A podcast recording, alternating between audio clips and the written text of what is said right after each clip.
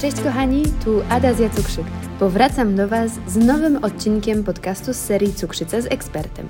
Dziś z panią Katarzyną Szybiak, dietetyczką kliniczną specjalizującą się właśnie w cukrzycy, rozmawiamy o tym, jak powinny odżywiać się osoby z cukrzycą. Pani Katarzyna opowie m.in. o nowych wytycznych i tak zwanym talerzu zdrowego żywienia. Zapytam też o słodycze, dzieci i cukrzycę, o to, jak to jest z tym podwójnie gotowanym makaronem i czy można i warto stosować post przerywany, gdy ma się cukrzycę. Łapcie notysiki, bo po drodze masa wiedzy i mnóstwo przydatnych wskazówek. A więc zaczynamy! Chyba wszyscy zgodzą się ze mną, że jedną z najtrudniejszych rzeczy w cukrzycy jest jedzenie. Dlatego do tego podcastu z serii Cukrzyca z ekspertem zaprosiłam panią dietetyk Katarzynę Szybiak, która jest dietetykiem klinicznym z wieloletnim doświadczeniem, szczególnie jeśli chodzi o pacjentów z cukrzycą. Pani Katarzyna prowadzi też swoje kanały w mediach społecznościowych jako dietetyk od cukrzycy. Bardzo Pani dziękuję, że zgodziła się Pani porozmawiać ze mną o prawidłowym odżywianiu diabetyka. Ja również dziękuję za zaproszenie. Jest mi bardzo miło. I od razu zadam Pani pytanie, które bardzo często chodzi mi po głowie, szczególnie ostatnio. Coraz częściej słyszymy, że nie ma czegoś takiego jak dieta cukrzycowa, że wystarczy zdrowo jeść, ale co to znaczy jeść zdrowo, szczególnie w dzisiejszych czasach, kiedy mamy dostęp praktycznie do każdego wymyślonego przez nas i posiłku, i, i też każdego jedzenia? I jak wyglądają zalecenia dietetyków, jeśli chodzi o zdrowe jedzenie? No właśnie ta kwestia nie jest taka, y, taka łatwa i oczywista i generalnie y, mam takie doświadczenia w pracy z pacjentami, że każdy wie, że trzeba zdrowo jeść, tak, że nie ma diety cukrzycowej, że trzeba zdrowo jeść, a jak przychodzi co do czego, to, to trudno jest konkretyzować to i jakoś tak powiedzieć w prostych punktach, jak my mamy się żywić, co my mamy właściwie, żeby było dobrze. Mamy pewne zasady, zasady właściwie skierowane do osób zdrowych i to też powinno być bazą osób z cukrzycą. I dodatkowo do tej bazy osoby z cukrzycą jakby zachęcane są do przestrzegania kilku kolejnych, kolejnych modyfikacji, kolejnych takich punktów. Kiedyś była piramida. Piramidą kiedyś e, się kierowaliśmy, natomiast teraz w mojej opinii jest dużo łatwiej, bo taką podstawą wiedzy o zdrowym żywieniu mamy pokazaną za pomocą talerza zdrowego żywienia. Ten talerz zdrowego żywienia, tak jak mówiłam, skierowany jest i do osób zdrowych, i do osób z cukrzycą. Jest łatwiejszy w odbiorze z tego względu, że tak jak wygląda ten talerz, powinien wyglądać nasz każdy posiłek. Niezależnie od tego, czy jest to śniadanie, czy jest to obiad, czy kolacja, czy podwieczorek nawet, tak? Czyli coś jakby mniejszego każdy nasz posiłek powinien być ustalony wedle zasad prezentowanych na tym talerzu. I może pokrótce powiem o co tam chodzi generalnie. Tak jakby pani sobie wyobraziła talerz przed sobą, pusty. Mhm. Dzielimy ten talerz na pół i generalnie połowę tego talerza powinny stanowić warzywa i owoce z przewagą warzyw. No i to już jest prosto sobie wyobrazić, prawda? Jemy śniadanie, jakby mamy przygotowany ten talerz przed sobą, chcemy coś na niego nałożyć, dzielimy go sobie wizualnie na pół, kładziemy na tą połowę warzywa głównie i owoce. I to już jest jakby pierwszy krok, który mamy tutaj spełniony. Drugą połowę dzielimy znowu na pół. I tak, na jednej ćwiartce mamy białko, czyli produkty, które dostarczają właśnie białka, na przykład mięso, drób, e, mleko, przetwory mleczne, jaja, rośliny, no, y, nasiona roślin strączkowych i te produkty powinny objętościowo zająć nam ćwiartkę talerza. No i ostatnia ćwiartka, czyli to, co nas najbardziej interesuje w cukrzycy w sumie, produkty węglowodanowe. Więc pieczywo, kasze, ryż, makaron, te produkty objętościowo tak ćwierć talerza, czyli pół tej połowy, która nam została, tak? Czy jest to ważne, bo ja mam małe talerze i mam duże talerze czy powinniśmy się sugerować, bo kiedyś usłyszałam, że powinniśmy wszystko mierzyć na małym talerzu, bo wtedy się będziemy mniej jeść i to jest super świetny pomysł, jeśli chodzi o odchudzanie. Właśnie chciałam się zapytać, jak to tak naprawdę powinno wyglądać, jeśli chodzi o sam rozmiar. W ogóle ja wychodzę z takiego założenia, że jeżeli my nie mamy jakichś jakby chorób dodatkowych w stylu nadwaga, otyłość, jeżeli nie mamy problemów z drugą stronę, z niedożywieniem, czyli z tą niedoborową masą ciała, to myślę, że jeżeli mamy odpowiednie BMI, czyli ten wskaźnik waga do wzrostu, prawda, to my możemy jeść intuicyjnie, jeżeli chodzi o ilość, bo to jest znak, że tyle, ile jemy, to się po prostu sprawdza i nam to nie szkodzi, czyli nie powoduje, że ważymy za mało lub też nie powoduje, że ważymy za dużo. I ja bym powiedziała, że z tymi talerzami to jest tak, jak się czuje. Czyli jeżeli Pani się najada tym talerzem małym i czuje się Pani e, po prostu nasycona i, i nie ma, nie wiem, w ciągu dnia jakichś problemów ze spadkami energii albo z podobnymi historiami, no to okej, okay. no to może być małe. Natomiast wyobrażam sobie, że 70-80 kilowy mężczyzna musi tego zjeść trochę więcej i umówmy się, że jak my mu damy mały talerz, to no, najedzony on nie będzie po prostu. Kierujmy się tym, e, po prostu naszą intuicją, chyba że mamy problem z nadmierną masą ciała lub tak jak mówię, z niedoborem masy ciała, bo wtedy to oznacza, że jemy no, zbyt mało lub zbyt dużo, więc trzeba to wtedy mm, trochę dokładniej do tego podejść jakby w inny sposób. To jeśli chodzi o talerze, to już sobie rozwiązałam to pytanie.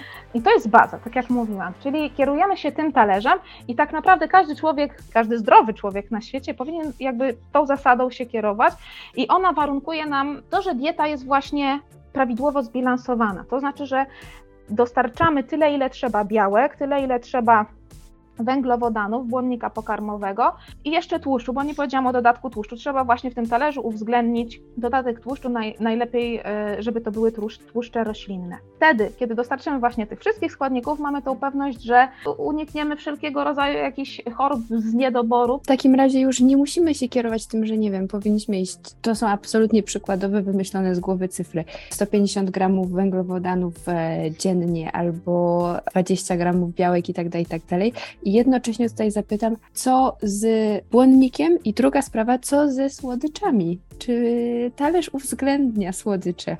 Dobra, no to po kolei w takim razie. To jest tak, że oczywiście my mamy konkretne zalecenia. Ile ile węglowodanów powinno się znaleźć w diecie, ile białek, ile tłuszczu. W przypadku osób z cukrzycą to najprościej jest to jakby, znaczy w przypadku osób z cukrzycą nie tylko, najprościej jest to przedstawić za pomocą procentów, czyli jaki procent energii w ciągu dnia kilokalorii pochodzi z węglowodanów, pochodzi z białek czy z tłuszczu.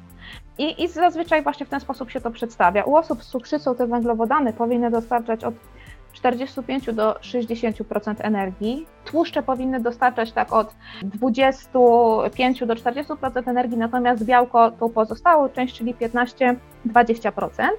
I my możemy określić konkretnie, ile tych gramów węglowodanów, białek czy tłuszczy powinniśmy spożywać, tylko żeby to zrobić, musimy najpierw ustalić, jaka powinna być kaloryczność naszej diety, czyli jakie jest na, nasze zapotrzebowanie na energię. To jest procent realizacji tej energii. Więc jeżeli ktoś ma zapotrzebowanie 2000 kalorii, no to w przypadku cukrzycy 45% z tych 2000 powinny nam dostarczać węglowodany. I rzeczywiście to można zrobić i można to dokładnie obliczyć. Częściej rzeczywiście stosujemy te, te właśnie zasady zdrowego żywienia, o których e, przed chwilą e, powiedziałam, no bo to jest, to jest umówmy się, łatwiejsze i dla pacjenta, w szczególności dla tej osoby chorej na cukrzycę. Natomiast jeżeli już e, ktoś życzy sobie jadłospis od dietetyka, tak, albo ma na przykład jakieś choroby współistniejące, czyli sprawa się bardziej komplikuje, to rzeczywiście wtedy już warto jest wyznaczyć sobie dokładnie, ile właśnie tych białek, ile tłuszczu, na przykład osoba z cukrzycą, która będzie miała powikłania takie nefrologiczne, czyli chorobę nerek, tak? Jeżeli, jeżeli te nerki nie będą działać tak, jak należy, to musimy bardzo zwracać uwagę wtedy na ilość białka i wtedy rzeczywiście my musimy to dokładnie obliczyć, żeby wiedzieć, jakich, jakich wartości nie możemy przekroczyć, gdzie my powinniśmy się z tym żywieniem znaleźć. No albo w przypadku dzieci, które też często, y, często zgłaszają się do mnie e, dzieci z niedoborem masy ciała, czyli, czyli z jakimś tam lekkim niedożywieniem. Też jest warto wtedy dokładnie jakby, jak te wartości powinny wyglądać, ile wymienników w ciągu dnia powinno się jeść. I teraz kolejna część pytania to było...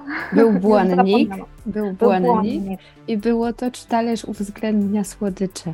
Z błonnikiem jest taka historia, no błonnik to są węglowodany złożone. I tak naprawdę im więcej tego błonnika w diecie, no tym można powiedzieć lepiej, chociaż teraz tak się zastanawiam, czy można tak powiedzieć, bo właściwie to z niczym nie można przesadzać i to jest taka chyba jedna prawda. Jeden produkt dostarcza nam zwykle różnych rodzajów węglowodanów i któreś tam są w przewadze, natomiast one się po prostu jakby współwystępują ze sobą, o tak. Natomiast to nie jest do końca tak, że im więcej, tym lepiej.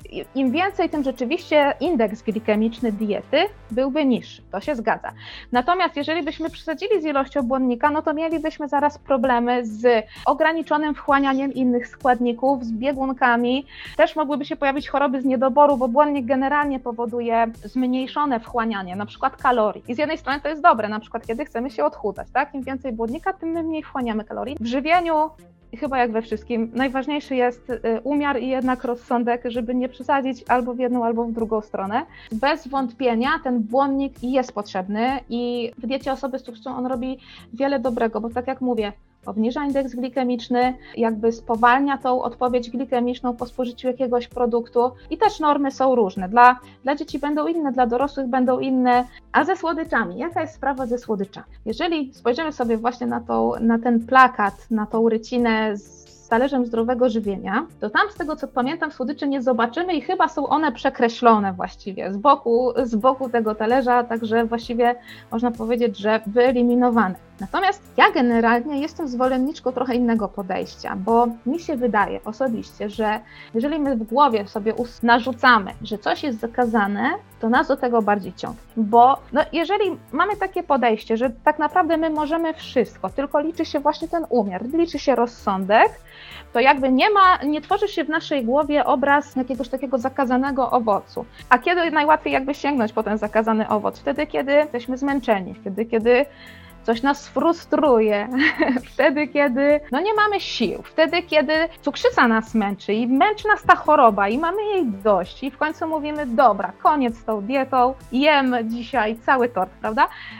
Natomiast kiedy my nie mamy czegoś takiego, kiedy my sobie wewnętrznie sami nie zakazujemy niczego, mało tego, kiedy my sobie pozwalamy na coś z czasu do czasu, to moim zdaniem nie tworzy się właśnie takie poczucie, że coś mi choroba odebrała, że ja czegoś nie mogę, że czegoś, coś jest zakazane i przy tym nie, nie ma takiej frustracji i nie ma takiego, takiego poczucia bezsilności, i, a w rezultacie w końcu, w którymś tam słabszym momencie sięgania po te, po te rzeczy zakazane w cudzysłowie. Jeżeli jesteśmy rodzicem dziecka z cukrzycą, żeby czegoś zakazywać, a jeszcze tym bardziej, y, żeby powiedzieć dziecku, że nie możesz zjeść tego batona, bo masz cukrzycę. To jest chyba najgorsza rzecz, jaką może zrobić rodzic. Jeżeli już nie chcemy dawać dziecku słodyczy, oczywiście ja już pomijam to, że to nie jest tak, że w dowolnych ilościach, tak? Natomiast jeżeli rzeczywiście dziecku nie chcemy dać jakiegoś słodycza, to broń Boże nie używajmy tego argumentu nie, bo masz cukrzycę, tylko nie, bo to zawiera taką substancję, taką substancję, to jest dla nas niezdrowe, nikt nie powinien tego jeść, a nie ty, dlatego że masz cukrzycę. Zawsze bardzo uczulam rodziców, żeby jednak tego nie robić. W takim razie lepiej zrzucić to na zęby, żeby mieć zdrowe zęby niż... Można zrzucać na zęby. ja jeszcze wrócę do tych węglowodanów, bo słowo węglowodany, ale ja sama pamiętam, że się nauczyłam e, na moich pierwszych w ogóle spotkaniach z dietetykiem w szpitalu. Ja właśnie usłyszałam, że są węglowodany proste, złożone, że są węglowodany takie, śmakie. Jeszcze teraz w związku z nowymi trendami, że jest e, jedzenie przetworzone, nieprzetworzone. Co my powinniśmy tak naprawdę wybierać? Czym powinniśmy się kierować, sięgając po, po rzeczy na półkach i tworząc nasze posiłki? Generalnie ja zacznę od tego, od tego podziału, bo rzeczywiście węglowodany dzielimy na proste i na złożone. Węglowodany proste to będzie glukoza, fruktoza, galaktoza, natomiast złożone dzieli się, dzielimy y, po raz drugi na dwucukry, na skrobie na błonnik pokarmowy. Teraz tak, dwucukry to wiadomo, sacharoza, czyli ten cukier biały, który mamy w cukiernicy. Mamy tam laktozę, mamy tam maltozę. Z tych węglowodanów, cukry proste i dwucukry należą do węglowodanów łatwo przyswajalnych. A te węglowodany, wedle zaleceń, dla osób z cukrzycą, zresztą nie tylko, powinniśmy ograniczać. Czyli tak, ograniczamy, tak jak mówię, cukry proste, dwucukry, a z węglowodanów złożonych wybieramy te bardziej złożone, to skrobie, błonnik pokarmowy. Na produktach bogatych w te węglowodany opieramy swoją dietę i to je powinniśmy generalnie wybierać. Jeżeli chodzi o stopień przetworzenia, to zasada jest taka, że im mniej przetworzony produkt, tym lepszy dla nas. Przy czym my często mamy w głowie taki wizerunek produktu przetworzonego, że jest to, nie wiem, jakiś fast food, jakieś takie płatki w jakichś przedziwnych kształtach, czy inne słodycze. Natomiast trzeba mieć taką świadomość, że ten przetworzony produkt, przetworzenie to, jest, to są procesy technologiczne wykonywane na produkcie. I rzeczywiście te produkty, o których przed chwilą powiedziałam, one są przetworzone. Natomiast przetworzone będą nawet płatki owsiane błyskawiczne. Przeprowadzono na nich tyle procesów, że one są na tyle rozdrobnione, szybko się gotują, że jakby myślimy o nich w kategorii produktu przetworzonego. Powinniśmy wybierać te rzeczy, które są jak najbardziej naturalne, jak najmniej przetworzone i to, to nam warunkuje y, niski indeks glikemiczny między innymi. Czyli wybierając przykład, idąc za przykładem tych płatków yy, owsianych, jeżeli mogę kupić płatki błyskawiczne albo płatki takie zwykłe, które trzeba jednak gotować te 10 minut czy trochę więcej, to dla mnie, jeśli chodzi o moją cukrzycę, lepiej będzie, jeśli wybiorę te, które muszę sama pogotować trochę dłużej. Czy dobrze myślę? Dokładnie tak. Zwykle te produkty właśnie wymagają trochę od nas więcej zaangażowania, ale tak jest. Tak samo sprawa wygląda na przykład z makaronem, który z jednej strony możemy ugotować normalnie, tak, a z drugiej strony makaronem, który zalewamy wrzątkiem i jest gotowy do spożycia. Jest identyczna sprawa. Ten drugi jest na tyle przetworzony, że po prostu ta obróbka jego jest szybsza. Tym, ale tym samym jakby cierpi na tym indeks glikemiczny i, i makaronu i całej diety tak naprawdę. To jeszcze raz w takim razie zapytam o, o ten makaron. To znaczy, że jeżeli mam suchy makaron, taki, który wrzucam, nie wiem, spaghetti do wody i gotuję 10 minut, albo mam ten makaron taki już w lodówkach, który niby jest na jajkach i tak dalej, i tak dalej, tylko że po prostu jest w lodówce i nie mogę go trzymać cały rok, tylko kilka dni, to znaczy, że ten, który jest w lodówce, który jednak wrzucę i gotuję 3 minuty, będzie gorszy dla mnie. A tu sprawa wcale nie jest taka oczywista. Tu sprawa nie jest taka oczywista, dlatego że wspomniała Pani o, tym, o tej lodówce nieszczęsnej.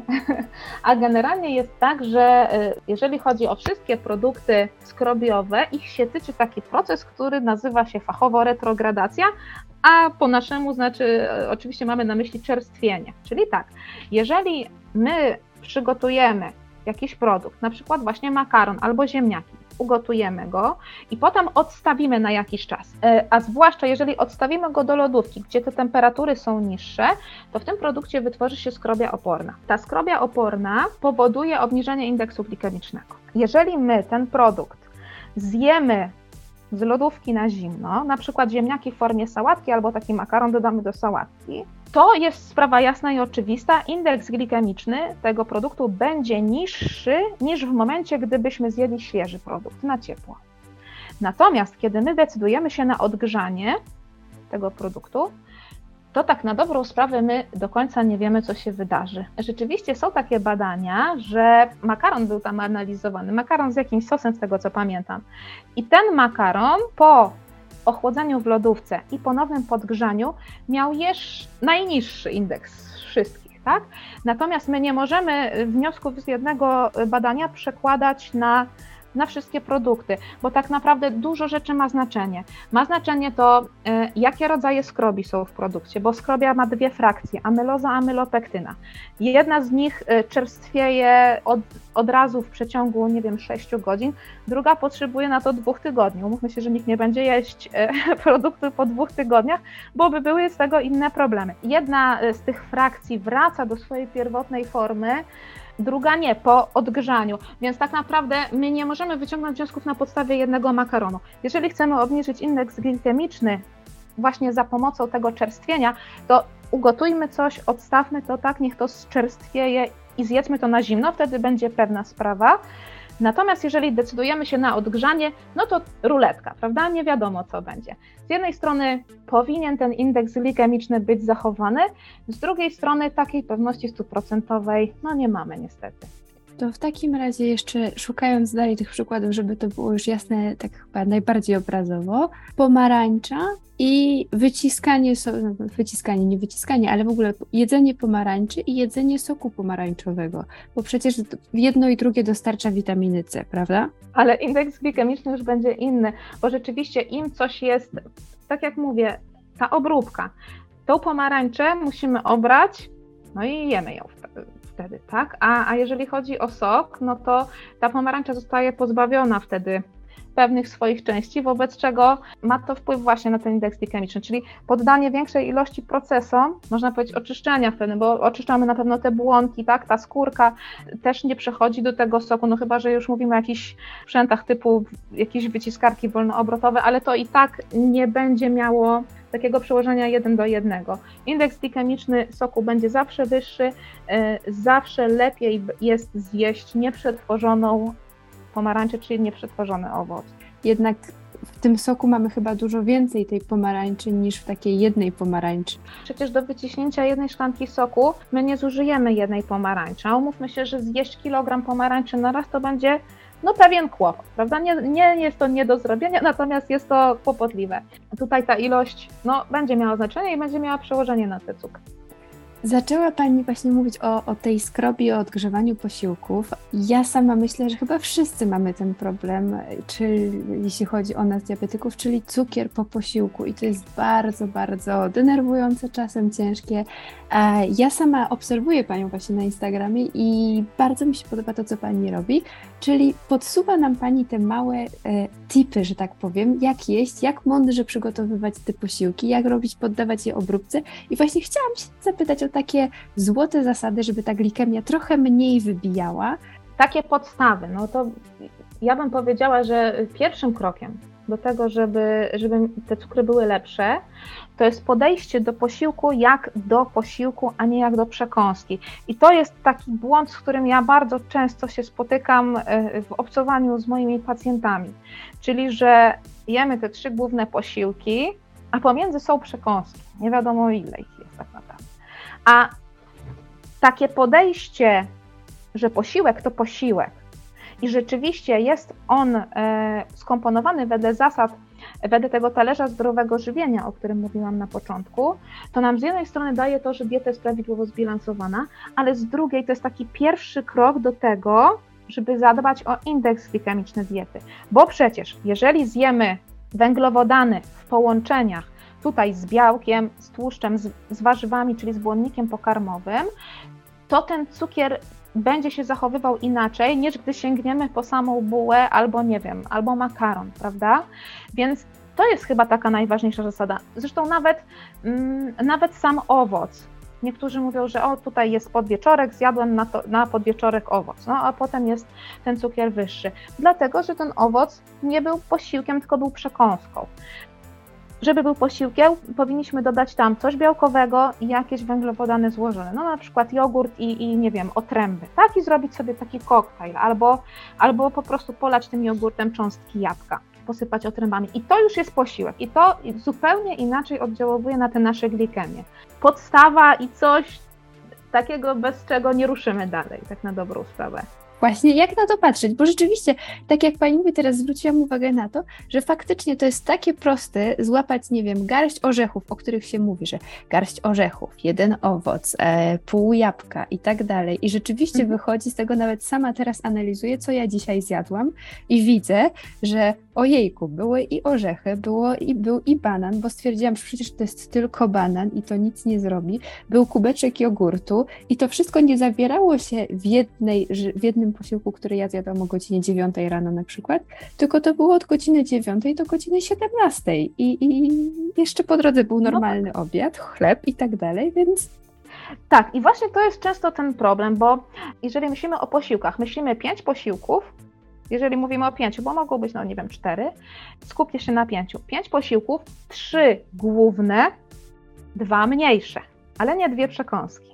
Czyli tak, myślimy o posiłkach jako o tych pełnych, pełnych potrawach, pełnych daniach wedle tych zasad, bo w momencie, kiedy my ciągle sięgamy po przekąski, w przypadku, kiedy mamy cukrzycę typu pierwszego, ciągle musimy sobie podawać na nie insulinę. Chyba, że, chyba, że sięgamy, no nie wiem, po, po, po jakieś zielone, świeże warzywa. Ale tak naprawdę mm, mi się wydaje, że łatwo sobie to zobrazować w ten sposób, że organizm ciągle no, ma robotę, musi to strawić. Nie ma czegoś takiego, że mm, ma te trzy godziny, żeby sobie w cudzysłowie odetchnąć, odpocząć, tylko ciągle po prostu coś dostaje i zanim skończy trawić jedno, to już musi zaczynać drugie. No i to jest jakby y, w pewnym sensie obciążające dla organizmu, to z jednej strony. W ogóle to jest, mm, rujnuje nam mikrobiotę jelitową i, i tak naprawdę no, to jest też ten aspekt, na który może jeszcze niewiele osób zwraca uwagę, ale, ale rzeczywiście to jest istotne, bo zaburzenia mikrobioty jelitowej pociągają ze sobą wiele, wiele chorób, wiele innych zaburzeń. No, teraz się mówi o wpływie mikrobioty jelitowej na, na zdrowie psychiczne, na poczucie stresu, prawda, albo albo inne historie. Więc to jest szalenie ważne, żeby jednak dać odpocząć organizmowi. Z mojego doświadczenia w ogóle wynika, że są takie osoby właśnie, które mówią, że no, mają taką potrzebę jedzenia, że są po prostu głodne i oczywiście te przekąski są zdrowe, natomiast one ciągle są. Zwykle to jest tak, że jemy za mało kalorii po prostu i organizm szuka i się domaga e, e, tej energii i dlatego mamy taką nieotwartą chęć, żeby sięgać po te przekąski. Fajnie jest wtedy się przyjrzeć właśnie temu, ile tych kalorii my powinniśmy spożywać, a ile ich rzeczywiście spożywamy i czy czy nie jest po prostu tego za mało? Czy to, to ciągłe pojadanie nie wynika z tego właśnie? Czyli w takim razie powinno być tak, że jeżeli ja zjem moje posiłki, to ja naprawdę nie powinnam być głodna, ani nie powinnam mieć chęci na podjadanie między w międzyczasie. Dokładnie tak. Jeżeli kaloryczność się będzie zgadzać, jeżeli wszystkie składniki będą w odpowiednich ilościach, to tej chęci być nie powinno. Okay. Oczywiście jest jeszcze taki aspekt, bo Mm, to jest bardziej aspekt psychologiczny, a, a nie fizjologiczny. W dzieciństwie nasi rodzice, dziadkowie dawali nam jako nagrodę jedzenie, tak? I to jest często tak, że jeżeli dziecko tego nauczymy, to potem ten dorosły z takimi doświadczeniami, który właśnie no już jest dojrzałym człowiekiem, też sięga po to jedzenie w takiej kategorii, y, że nagradzam się, więc wydaje mi się, wydaje mu się, że czuje głód, a tak naprawdę po głębszej analizie i zastanowieniu to nie jest ten głód fizjologiczny, to nie jest to ssanie w żołądku, tylko to jest ta chęć miałem ciężki dzień, więc teraz mogę sobie siąść i w nagrodę zjeść sobie jakieś ciastko, no albo nawet to coś zdrowego, nie? Garść orzechów. Jakby trzeba się całym, całej sytuacji przyjrzeć indywidualnie po prostu. Wiemy już, że makaron, żeby dawał nam tego, ten niższy kop glikemii, że tak powiem, powinniśmy go jednak wstawić do lodówki, poczekać jeden jakiś czas i go jeszcze raz przygotować. Czy są jakieś inne rzeczy, które możemy robić? Nie wiem, na przykład zamienić chleb w jakiś sposób, albo używać jakiegoś innego zamiennika, żeby po prostu jakoś oszukać, nie wiem, naszą głowę i jednocześnie zadziałać na to, żeby ten cukier był trochę niższy. Znaczy, to się wpisuje w te wszystkie zasady, o których wcześniej mówiłyśmy, czyli im mniej przetworzony produkt, jeżeli właśnie weźmiemy na tapetę chleb, im mniej przetworzony, wykonany z mniej przetworzonej mąki, tym on będzie zawierał więcej błonnika pokarmowego, jeszcze więcej witamin, składników mineralnych, będzie też bardziej sycący dla nas, a przy tym będzie miał niższy indeks glikemiczny. Więc opieranie swojej diety na takich produktach właśnie mało przetworzonych będzie yy, z jednej strony wpływało na ten indeks glikemiczny, ale z drugiej właśnie da nam to poczucie sytości, dostarczy odpowiednich mikroskładników, czyli tych witamin, składników mineralnych. Jeszcze chciałam powiedzieć, bo jakby ten indeks glikemiczny to nie zależy tylko od, od stopnia przetworzenia. I to też trzeba mocno podkreślić, że my mamy, mamy na ten indeks glikemiczny realny wpływ. A im coś będzie miało niższy indeks glikemiczny, tym te nasze glikemie będą lepsze. Więc warto w ogóle przyjrzeć się naszej diecie temu, jak my jemy i, i zadać sobie pytanie, jakie my właściwie właśnie możemy e, zastosować ulepszenia, co może nam wejść w nawyk, żeby te posiłki były właśnie e, niskoglikemiczne, miały niski indeks glikemiczny, tym samym powodując mniejsze skoki glikemii. Więc na przykład, jeżeli jemy bagietkę, tak, już hiperwysoki indeks glikemiczny, 95 chyba z tego co pamiętam, to pamiętajmy, żeby zjeść ją z jakimś tłuszczem, posmarujmy ją jakąś margaryną dobrej jakości, jakimś masłem czy miksem tłuszczowym. Do niej zjedzmy sałatkę, w której też będą warzywa, czyli błonnik pokarmowy, sos vinaigrette, czyli też ten tłuszcz, jakieś ziarna, czyli błonnik pokarmowy znowu, jakiś dodatek białkowy, na przykład mozzarella. Dodajmy tam sok cytryny, kwasy organiczne też nam o, ten indeks glikemiczny obniżają. Więc zawsze ja zachęcam, żeby patrzeć na ten posiłek co tu jeszcze mogę dodać, żeby podrasować tą wartość indeksu glikemicznego, podrasować w dół. I trzecia sprawa to jest ilość, czyli właściwie można powiedzieć ładunek glikemiczny. Uważajmy z ilością, ale to też jakby się zamyka w tej zasadzie talerza zdrowego żywienia, bo jeżeli mamy węglowodany na ćwiartkę, no to mamy węglowodany na ćwiartkę, a nie na cały talerz, czyli cały talerz frytek to nie będzie dobra droga, tak? Zawsze właściwie to, ile my zjemy, przekłada się na to, jakie my mamy cukry. Bo umówmy się, że jak zjemy parę frytek, to nie będzie dramatu, ale tak jak mówię, jeżeli to pójdzie cała blaszka, no to to już jest inna historia. I to są takie trzy chyba najważniejsze rzeczy, więc talerz zdrowego żywienia, żeby to było wszystko mm, połączone ze sobą, żeby węglowodany nie były same. Druga sprawa, indeks glikemiczny, czyli wszystkie metody y, służące jego obniżaniu.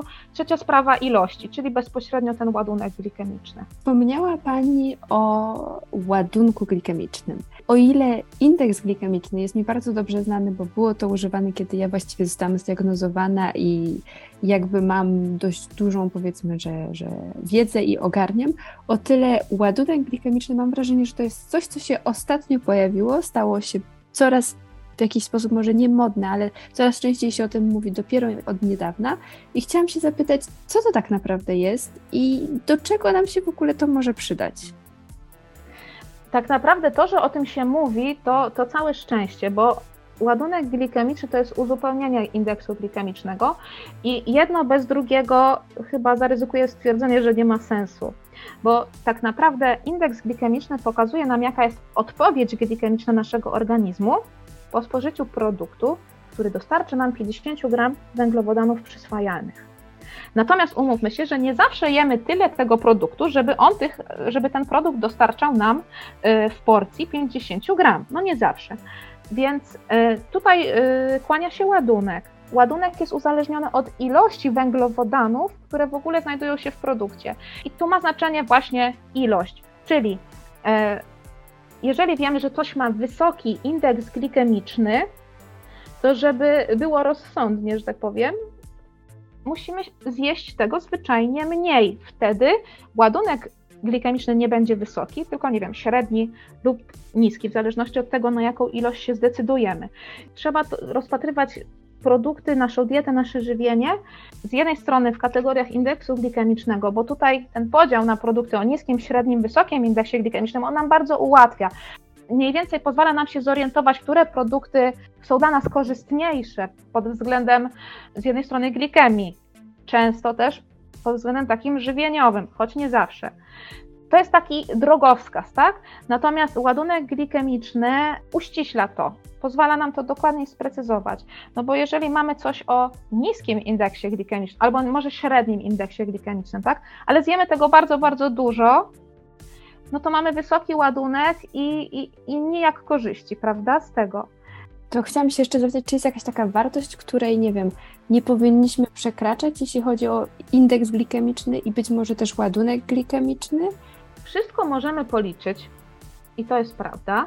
Natomiast w praktyce y, ciężko jest wszystko liczyć, bo to by jakby wymagało od nas z jednej strony regularności w spisywaniu, dokładnego ważenia wszystkiego, z drugiej strony musielibyśmy posiadać program dietetyczny, który, nie wiem, określa nam ładunek i indeks, bo nie kojarzę, żeby jakaś aplikacja, być może nie mam dobrego rozeznania, natomiast nie kojarzę, żeby jakaś aplikacja dostępna liczyła konkretnie liczbowo, ile wynosi indeks glikemiczny i ładunek glikemiczny naszej diety czy naszego e, jakiegoś dania. Tak? Oczywiście to się da zrobić, jeżeli na przykład chodzi o ładunek glikemiczny. Produkt, który ma wartość ładunku glikemicznego 10 uważany jest za taki o niskim ładunku, 11-19 to jest średni ładunek, natomiast 20 i powyżej to jest wysoki ładunek glikemiczny. Ładunki się sumują i jeżeli w ciągu dnia ta dieta ma ładunek poniżej 80, to jest w porządku. To jest to dieta o niskim ładunku glikemicznym. I ja na przykład licząc, układając jakiś jadłospis, czy właśnie licząc jakieś posiłki, patrzę na to. Mój program ma taką funkcję i ja po prostu sobie na to patrzę, żeby te dzienne wartości ładunku glikemicznego nie były zbyt, zbyt wysokie, żeby były odpowiednie. Natomiast w praktyce znowu chyba wrócę do talerza zdrowego żywienia. To jest najłatwiejsze, to naprawdę wykorzystanie tej zasady daje nam bardzo dużą szansę na to, że ładunek będzie y, odpowiedni, po prostu, że nie przedobrzymy z tymi węglowodanami. Moje kolejne pytanie będzie dotyczyło osób takich jak ja, czyli osób, które niestety nie siedzą w kuchni z wagą i zanim włożą coś na, na finalnie na talerz, wszystko ważą i mierzą, tylko oceniają na oko. Wiem, że to jest najgorsze, co można sobie zafundować w cukrzycy i widzę to za każdym razem i po prostu za każdym razem sobie mówię, Ada, przestań. I wszystkich zachęcam, żeby przestali.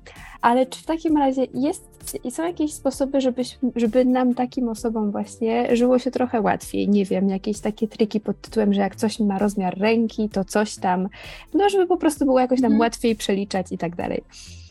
No takiego odniesienia do wielkości to raczej yy, no nie ma. No ciężko by było coś takiego wymyślić z tego względu, że każdy produkt ma no inną tą zawartość węglowodanów w 100 gramach i, i to by się tak nie dało.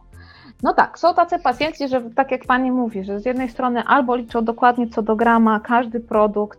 Mm, ja jakby też rozumiem obydwa podejścia, bo obydwa da się świetnie wytłumaczyć i, i, no i życie po prostu, tak, tak, tak się dzieje. Natomiast co ja zawsze polecam? Jeżeli ktoś szacuje sobie produkty i szacuje mm, ilościowo i na to podaje sobie insulinę, mówimy o cukrzycy typu pierwszego, to zawsze polecam sobie co jakiś czas w cudzysłowie wytarować e, tą uwagę w oku.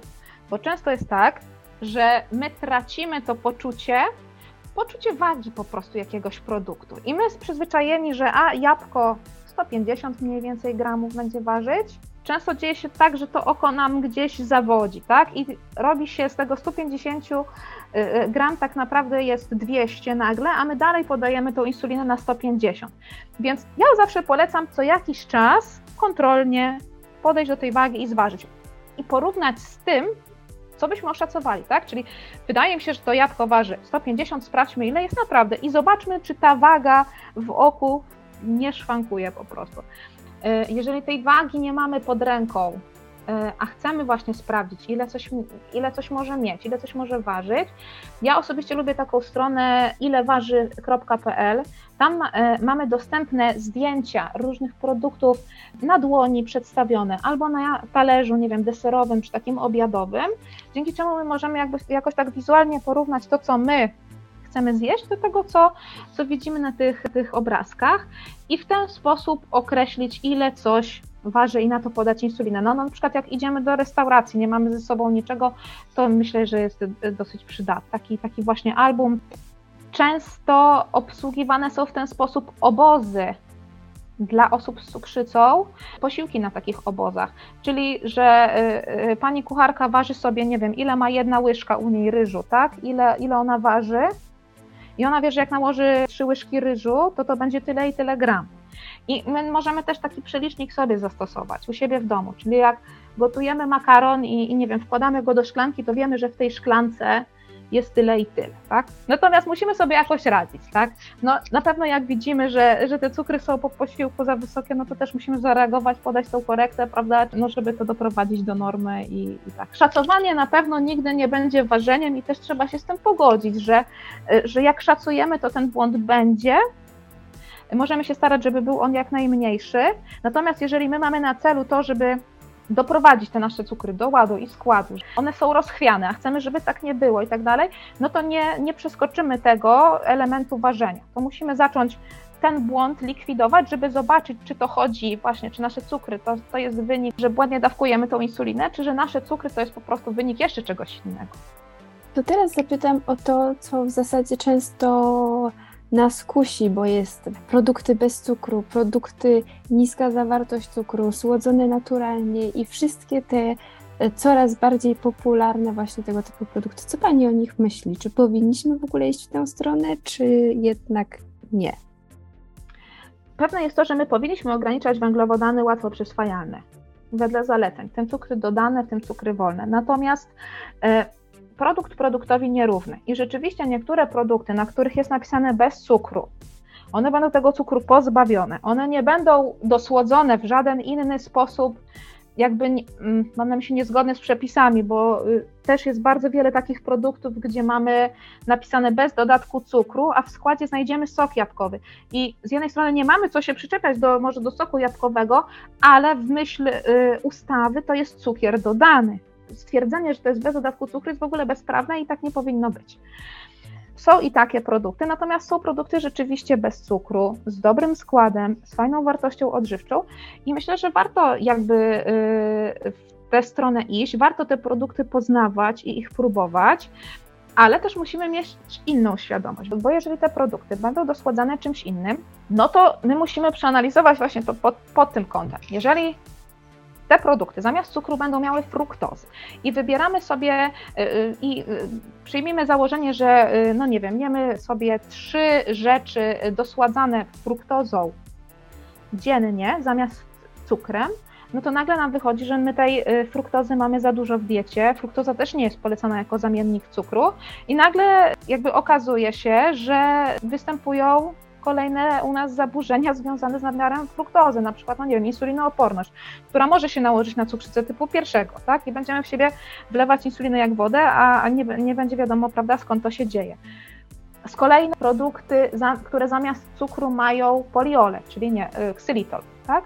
Jeżeli tego będzie za dużo w diecie, to zaczną nas męczyć dolegliwości przewodu pokarmowego, bóle brzucha, biegunki, wzdęcia. Więc to wszystko trzeba zobaczyć, przemyśleć i jakby tak zindywidualizować.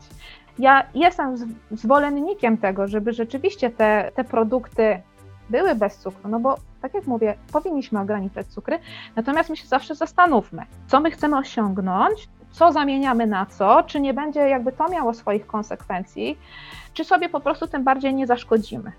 A jeszcze warto dodać, że te produkty, które są właśnie opisywane jako bez cukru, fit albo tego typu, to z jednej strony one mogą być pozbawione cukru, a z drugiej strony mogą mieć tak beznadziejny skład i takie substancje, które, bo umówmy się, że cukier jest nośnikiem też smaku, tak samo jak tłuszcz. No więc, żeby to smakowało, to często produkt pozbawiony cukru ma zawrotne ilości tłuszczu. No to pytanie, czy to też jest dobre? Nie do końca, prawda? Na co zwrócić uwagę, kiedy czytam etykiety? Bo tam pojawia się mnóstwo różnych rzeczy. Jak w zasadzie? Co, co by Pani powiedziała, że posłuchaj, jeśli czytasz etykiety, to zwróć uwagę na to, że po pierwsze, żeby nie było tam żadnego cukru pod innymi nazwami. To jest chyba jedna z najważniejszych rzeczy, no bo mówimy, y, no jesteśmy w temacie y, cukrzycy, jesteśmy w temacie ograniczania, tak jak mówię, tych węglowodanów łatwo przyswajalnych. Czyli jeżeli pojawia się syrop glukozowy, syrop fruktozowy, cukier rafinowany, cukier inwertowany, y, syrop z agawy, melasa, słód jęczmienny, to my, u nas się powinna zapalić zawsze ta czerwona lampka, że oho, chyba tam jest cukier. Sama ostatnio miałam w ręku płatki takie opisane fitness e, z wizerunkiem takiej e, e, z wizerunkiem kobiety o bardzo ładnej figurze, tak, tak powiem, i, i, w jakichś takich barwach niebiesko-białych, które by symbolizowały lekkość, a w składzie to po prostu były ze cztery lub pięć rodzajów cukru, więc szukamy tego cukru w składzie, i staramy się go eliminować. Natomiast pamiętajmy też, że skład jest zawsze od największej ilości do najmniejszej. Więc jeżeli jest jakiś cukier, że tak powiem, pod koniec tej rozpiski, to może jeszcze nie ma dramatu, chyba że mamy dwa, dwa składniki e, w tym składzie, no to to już e, może być różnie. Natomiast jeśli coś jest właśnie na pierwszym miejscu, to tego już będzie dużo. Więc jeżeli na pierwszym miejscu wybieramy jakiś słodycz albo cokolwiek innego, na pierwszym miejscu mamy cukier albo jakąkolwiek pochodną, albo inaczej nazwany cukier, no to, to to już jest produkt zdyskwalifikowany. Druga sprawa, no ja zawsze zwracam uwagę jeszcze na tłuszcze, jakie są w produkcie, no, typu olej palmowy, to też nie jest dla nas zbyt dobre, olej palmowy też będzie generalnie miał negatywny wpływ, będzie podwyższał stężenie cholesterolu, w przypadku cukrzycy będzie zwiększał ryzyko sercowo-naczyniowe, które i tak jest, więc nie warto sobie dokładać i nie warto y, jakby po takie produkty sięgać. I ja osobiście też zawsze patrzę na to, jakie substancje dodatkowe y, są użyte, czy jakieś konserwanty, czy jakieś przeciwstawy, przeciwutleniacze, czy barwniki. Niektóre barwniki no, na przykład odpowiadają za to, że dzieci się nie mogą skupić i, i mają zaburzenia koncentracji, więc rodzice na to też powinni zwracać uwagę. Trzeba spojrzeć tak całościowo na skład, a z drugiej strony jeszcze trzeba zobaczyć sobie na tą wartość odżywczą, tak? No bo jeżeli będzie, jest dużo kalorii, tak, jest dużo tych węglowodanów, dużo cukrów prostych, to też nie będzie y, produkt, że tak powiem, pierwszego wyboru. Jeszcze bardziej mnie to zachęca do tego, żeby po prostu naprawdę sama sam gotować i, i, i, i tyle robić, bo jest to bardzo trudne, ale bardzo dużo, bardzo dużo się uczę i bardzo Pani dziękuję, bo naprawdę już teraz czuję, że wow, pełno wiedzy. Wróćmy jeszcze do pytania o te słodycze, bo to jest chyba takie pytanie, które rodzice z cukrzy, dzieci z cukrzycą zadają sobie zawsze. Czy opcje właśnie niskocukrowe, czy, czy w ogóle, czy dziecku dawać słodycze, czy od razu powiedzieć, dobrze, dziecko ma, ma cukrzycę, to znaczy, że koniec z jedzeniem słodkich rzeczy. Jak, jak do tego podejść? Ja w ogóle nie polecam nie dawać dziecku słodyczy. Może to, może to zbulwersować kogoś, natomiast mi się wydaje, że więcej z tego szkody niż pożytku. W momencie, kiedy słodycz jest produktem zakazanym, to w głowie dziecka powstaje taki obraz, że on jest czymś wyjątkowym, jest czymś niesamowitym, jakąś nagrodą, czymś, czego nie ma na co dzień, tak? I buduje się właśnie takie błędne przekonanie o tych słodyczach, że one są jakieś hiperważne i, i hiper niesamowite. No tego generalnie chcemy uniknąć, więc mm, ja polecam generalnie słodycze traktować na równi z pozostałym żywieniem. Oczywiście to nie znaczy, że my możemy je w dozwolonych ilościach, absolutnie nie. Często tu polecam osobiście y, takie podejście 80 na 20. 80% kaloryczności naszej diety powinno być dostarczone przez zdrowe jedzenie. Coś, co nam służy, natomiast 20% sobie zostawiamy dla naszej głowy, tak? czyli na produkty, na które mamy ochotę, niekoniecznie, które są zdrowe. I to myślę, że jest całkiem rozsądne. I w kontekście słodyczy też do zastosowania, bo w momencie, kiedy dziecko je 80% zdrowych produktów, zdrowych posiłków, te 20% słodyczy naprawdę mu nie zaszkodzi, a nie mamy czegoś takiego właśnie, że budujemy taki, e, taki obraz, taką niesamowitość tych słodyczy, bo to tak naprawdę może to się skończyć tak, że dziecko będzie poza naszą kontrolą, będzie w szkole, będzie na jakimś wyjeździe, no i wtedy co je będzie hamować? No nic, tak naprawdę rodzica nie będzie, prawda? Więc myślę, że nie warto dzieciom zabraniać jeść słodyczy, natomiast warto na pewno je dawać z głową. Jest mnóstwo dobrej jakości słodyczy i fajnie dziecko poznawać z takimi produktami. No nie wiem, jakieś batoniki zbożowe, bez rzeczywiście dodatku cukru, na bazie suszonych owoców, na przykład daktyli z jakimiś orzechami, polewie z gorzkiej czekolady. Tylko dbajmy też o ilość, dbajmy, żeby to nie było codziennie i żeby to, to nie było takie, żeby to nie był stały punkt. Czyli na przykład, no, wydaje mi się, że stałym punktem jest chodzenie co tydzień do, do jakiegoś fast foodu, tak? to nie jest zbyt dobre, ale kiedy do tego fast foodu nawet wybierzemy się raz na jakiś dłuższy okres czasu i to nie będzie jakaś niesamowita dla, odczucie dla dziecka niesamowitej jakiejś przygody czy niesamowitego osiągnięcia, tylko po prostu wyjście i idziemy tam jeść, po prostu, to, to nic się naprawdę złego nie stanie. To ja teraz się zapytam, jeśli chodzi o te słodycze, które w jakieś, albo rzeczy słodkie, które musimy jeść, czy to, czym się dosładzamy, ma wpływ na to, jak się kształtuje nasza glikemia? Na przykład pastylka glukozy w porównaniu z kawałkiem chleba. Czy, czy jest, nie wiem, w mojej głowie teraz myśląc o tej pastylce glukozy, widzę, że ten cukier będzie szybko rósł, ale też szybko spadał. Co Pani poleca, jeśli chodzi o, o, o dosładzanie się? Ta odpowiedź glikemiczna będzie się różniła po takich czystych węglowodanach ona będzie szybsza, bardziej gwałtowna i rzeczywiście ten cukier potem, potem mm, spadnie, bo jakby każda przekąska, każdy produkt o wysokim indeksie glikemicznym będzie działał tak samo. A po produkcie, który y, jakby nie składa się z samych węglowodanów, tylko zawiera jeszcze inne, inne te makroskładniki, nie wiem, białko, tłuszcz, czy, czy nawet oprócz węglowodanów prostych będzie miał węglowodany złożone, ten cukier też będzie się kształtował inaczej. I tu tak naprawdę zależy, o co nam chodzi, bo jeżeli my chcemy szybko sobie podnieść cukier, jeżeli nasza hipoglikemia jest silna, taka znaczna, to mi się wydaje, że najbezpieczniejszą metodą jest jednak sięgnięcie po, po właśnie jakiś żel glukozowy, po jakąś pastylkę y, z glukozą, bo z jednej strony tam mamy czyste węglowodany, tak, i one szybko podniosą i to w tym momencie jest na plus, tak, o to nam chodzi. Z drugiej strony ta wartość jest standaryzowana, czyli my wiemy, ile my zjadamy. W momencie, kiedy mamy na przykład tą hipoglikemię lżejszą, że nie ma jakichś dramatów, tak? No to ja zawsze zachęcam, żeby e, sięgnąć po coś z tak zwanej zdrowej półki, bo zawsze możemy sobie cukier podnieść owocem, możemy sobie podnieść sokiem stuprocentowym, jakimś musem owocowym, tak? To też będą węglowodany proste, które zadziałają tak jak trzeba, ale jednak oprócz tego my dostarczymy sobie witamin, my dostarczymy sobie składników mineralnych, błonnika pokarmowego, więc y, jakby dwie pieczenie na jednym ogniu za jednym zamachem. Natomiast jeżeli ta hipoglikemia jest znaczna, to nie ryzykujmy wtedy z produktami tego typu, chyba że nie mamy nic pod ręką i wiadomo, nie, nie ma wtedy innej możliwości, to jemy co jest, tak? Nie ryzykujmy z tego względu, że tam nie mamy jednak standaryzowanej wartości i to ile węglowodanów rzeczywiście będzie miał, nie wiem, sok pomarańczowy, zależy od tego, ile węglowodanów miały pomarańcze, z których został zrobiony, a to zależy od tego, w jakich warunkach dojrzewały, ile miały słońca, jest dużo zmiennych. Więc jeżeli możemy sobie pozwolić na niestandaryzowaną wartość, to oczywiście jak najbardziej. Natomiast no, są takie sytuacje, kiedy no, dobrze jest wiedzieć dokładnie, prawda, ile tych węglowodanów jest. Co najważniejsze, mieć pewność, że zadzieje się to szybko. Glukoza w płynie, glukoza w tabletkach, e, co jest e, lepszym rozwiązaniem, żele, jak, jeżeli chodzi o to, żeby jak najszybciej i z drugiej strony to jest jakby mój problem, kiedy ja biegam, że jak mam zjeść tę piątą pastylkę tej glukozy, to już po prostu mam dosyć. I co jest takie, żeby było to proste, szybkie, przyjemne, nieobciążające? Jeżeli chodzi o szybkość, no to działania to jednak ta forma płynna będzie, będzie najszybsza, więc płyn lub żel.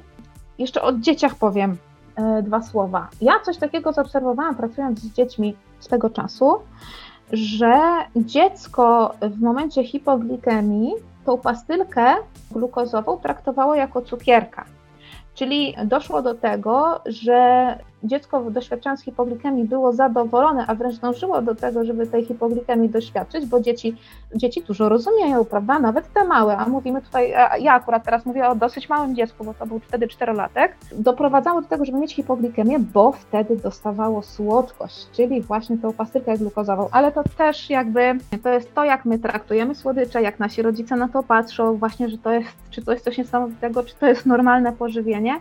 Też zachęcam rodziców, żeby nie dosładzać słodyczami samymi w sobie, bo, bo to też jest dosyć proste dla dziecka, żeby zrozumieć. Bo ja jakby teraz mówię ciągle o małych dzieciach, bo młodzież to wiadomo, prawda?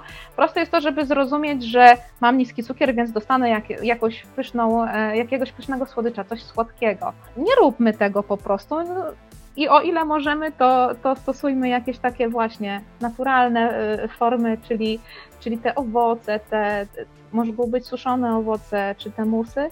Tych tabletek tak jakoś te tabletki mi się tak y, wryły w pamięć, bo naprawdę często się z tym spotykam, aż zadziwiająco często, bo na pierwszy rzut y, oka to może tak się nie kojarzy. Ale ja sama pamiętam, że na, na początku mojej diagnozy z cukrzycą, kiedy miałam właśnie niski poziom, to ja sama się wewnętrznie cieszyłam, bo miałam, chociaż miałam 17 lat, bo miałam w lodówce właśnie małą taką swoją półeczkę, gdzie miałam swoje dobre jogurciki z czekoladą, jakieś tam inne i to było właśnie na moje niedocukrzenie.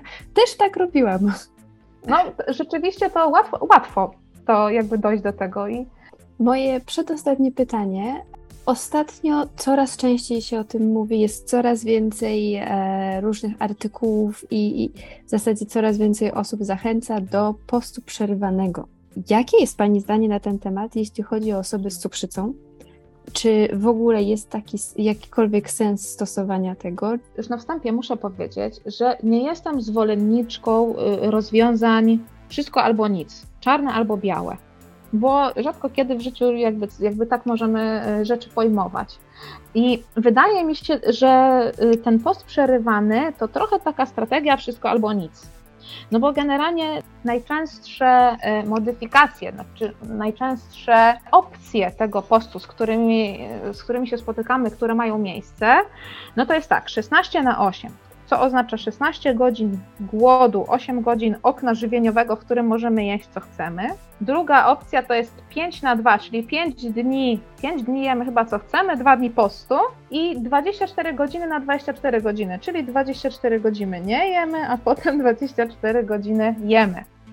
No i właśnie tu jakby kluczowe w moim mniemaniu jest to, że jemy co chcemy. Wydaje mi się nie być to, że nie jest to zbyt, zbyt dobre podejście. Często w ogóle te badania, o których tu Pani wspomina, artykuły, które teraz się pojawiają o poście przerywanym, dotyczą leczenia nadwagi i otyłości. Ja przynajmniej mam takie wrażenie, że, że wykorzystanie postu właśnie w aspekcie leczenia tych, tych dwóch chorób, bo to choroby. No i tak, no i mówimy tutaj właśnie o ograniczeniu kalorycznym, które, które jest, no bo jeżeli nie jemy, no to mamy ograniczenie kaloryczne i wszystko się zgadza.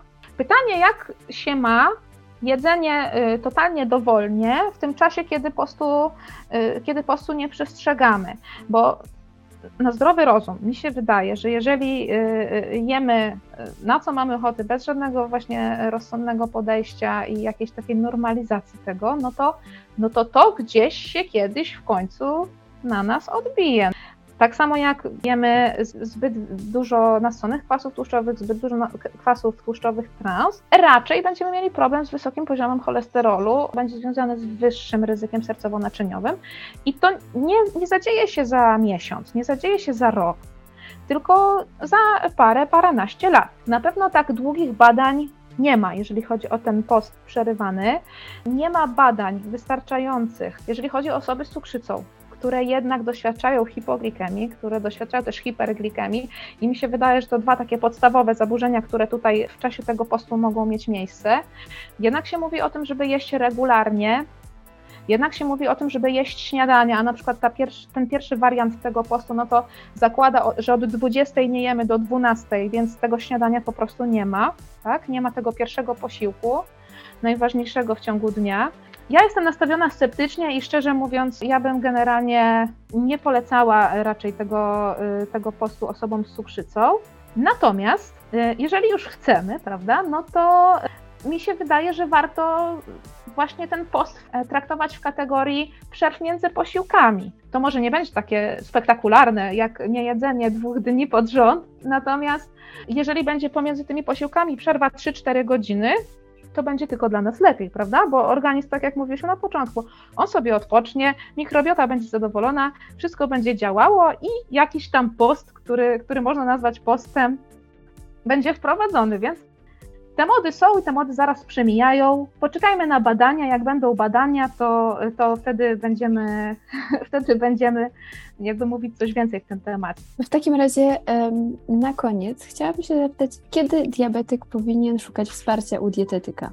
Wtedy, kiedy czuje, że czegoś nie wie, jeżeli chodzi o, jeżeli chodzi o żywienie, że coś mu sprawia trudność, ma jakieś pytania właśnie dotyczące tego komponowania posiłków, tego jak gotować, chce przeanalizować swój jadłospis, czyli czy, czy wszystkich składników, tych mikroskładników, makroskładników jest w odpowiedniej ilości.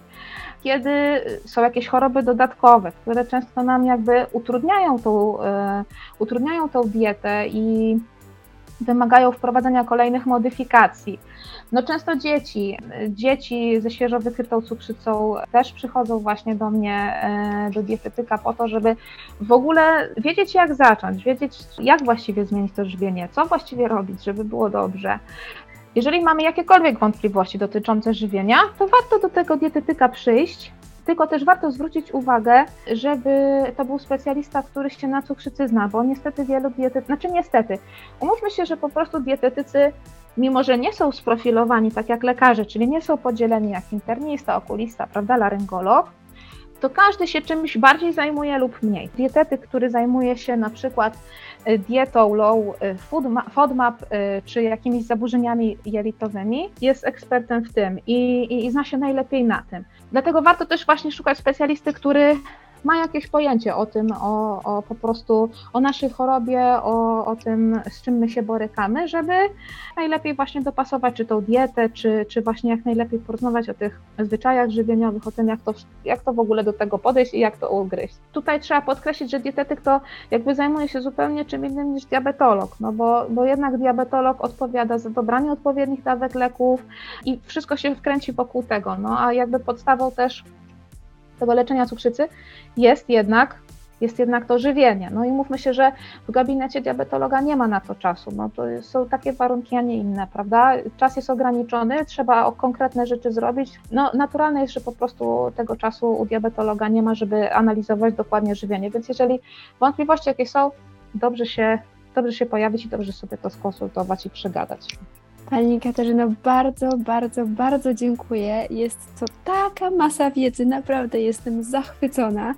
Wszystkich, którzy jeszcze bardziej łakną wiedzy, odsyłam do Pani Instagrama i Facebooka Dietetyk od Cukrzycy. Po prostu już widzę, że dzisiaj wieczorem będziemy jedli zupełnie inaczej nasze, naszą kolację i będzie to talerz właśnie na podstawie tego, co Pani mówiła, a nie to, co mi się wydaje, że o, no to tyle sobie nasypię, tyle sobie nas. Bardzo, bardzo, bardzo też dziękuję. Pamiętajcie, treści zawartych w tych podcastach nie należy traktować jako porady medycznej. Te treści służą wyłącznie do celów informacyjnych, a ponieważ każda osoba jest wyjątkowa, w przypadku jakichkolwiek pytań medycznych należy skonsultować się ze swoim lekarzem. Interesują Was treści dotyczące cukrzycy? Zapraszam na mojego Facebooka Ja Cukrzyk i Instagrama iDiabetic Cukrzyk. A jeśli szukacie miejsca dla kobiet z cukrzycą, koniecznie zajrzyjcie do mojej grupy Cukrzyca dla dziewczyn, którą znajdziecie na Facebooku. To tyle na dzisiaj. Trzymajcie się, cześć!